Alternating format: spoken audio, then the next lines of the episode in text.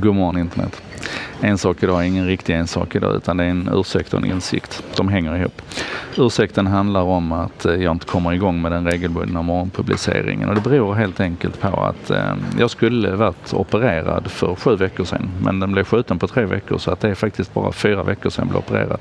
Och kroppen är helt enkelt inte igång riktigt än. Jag, eh, jag blir paniktrött, jag får toksvettningar eh, och, och då kommer vi in på insikten och det handlar om att jag trodde att det här med effektivitet och att få saker och ting gjort och samtidigt må bra att det handlade om att balansera vilja och förståelse. Alltså att hålla isär allt det man vill göra med allt det man vet att man kommer orka göra och kan planera in och göra.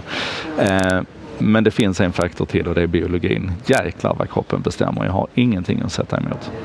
Eh, men däremot så hoppas jag ju, och det går ju på rätt håll, så att eh, jag tänker att jag är tillbaka om en vecka.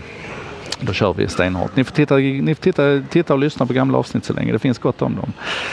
Tack för att ni hänger i. Vi ses i En sak idag-gruppen på Facebook.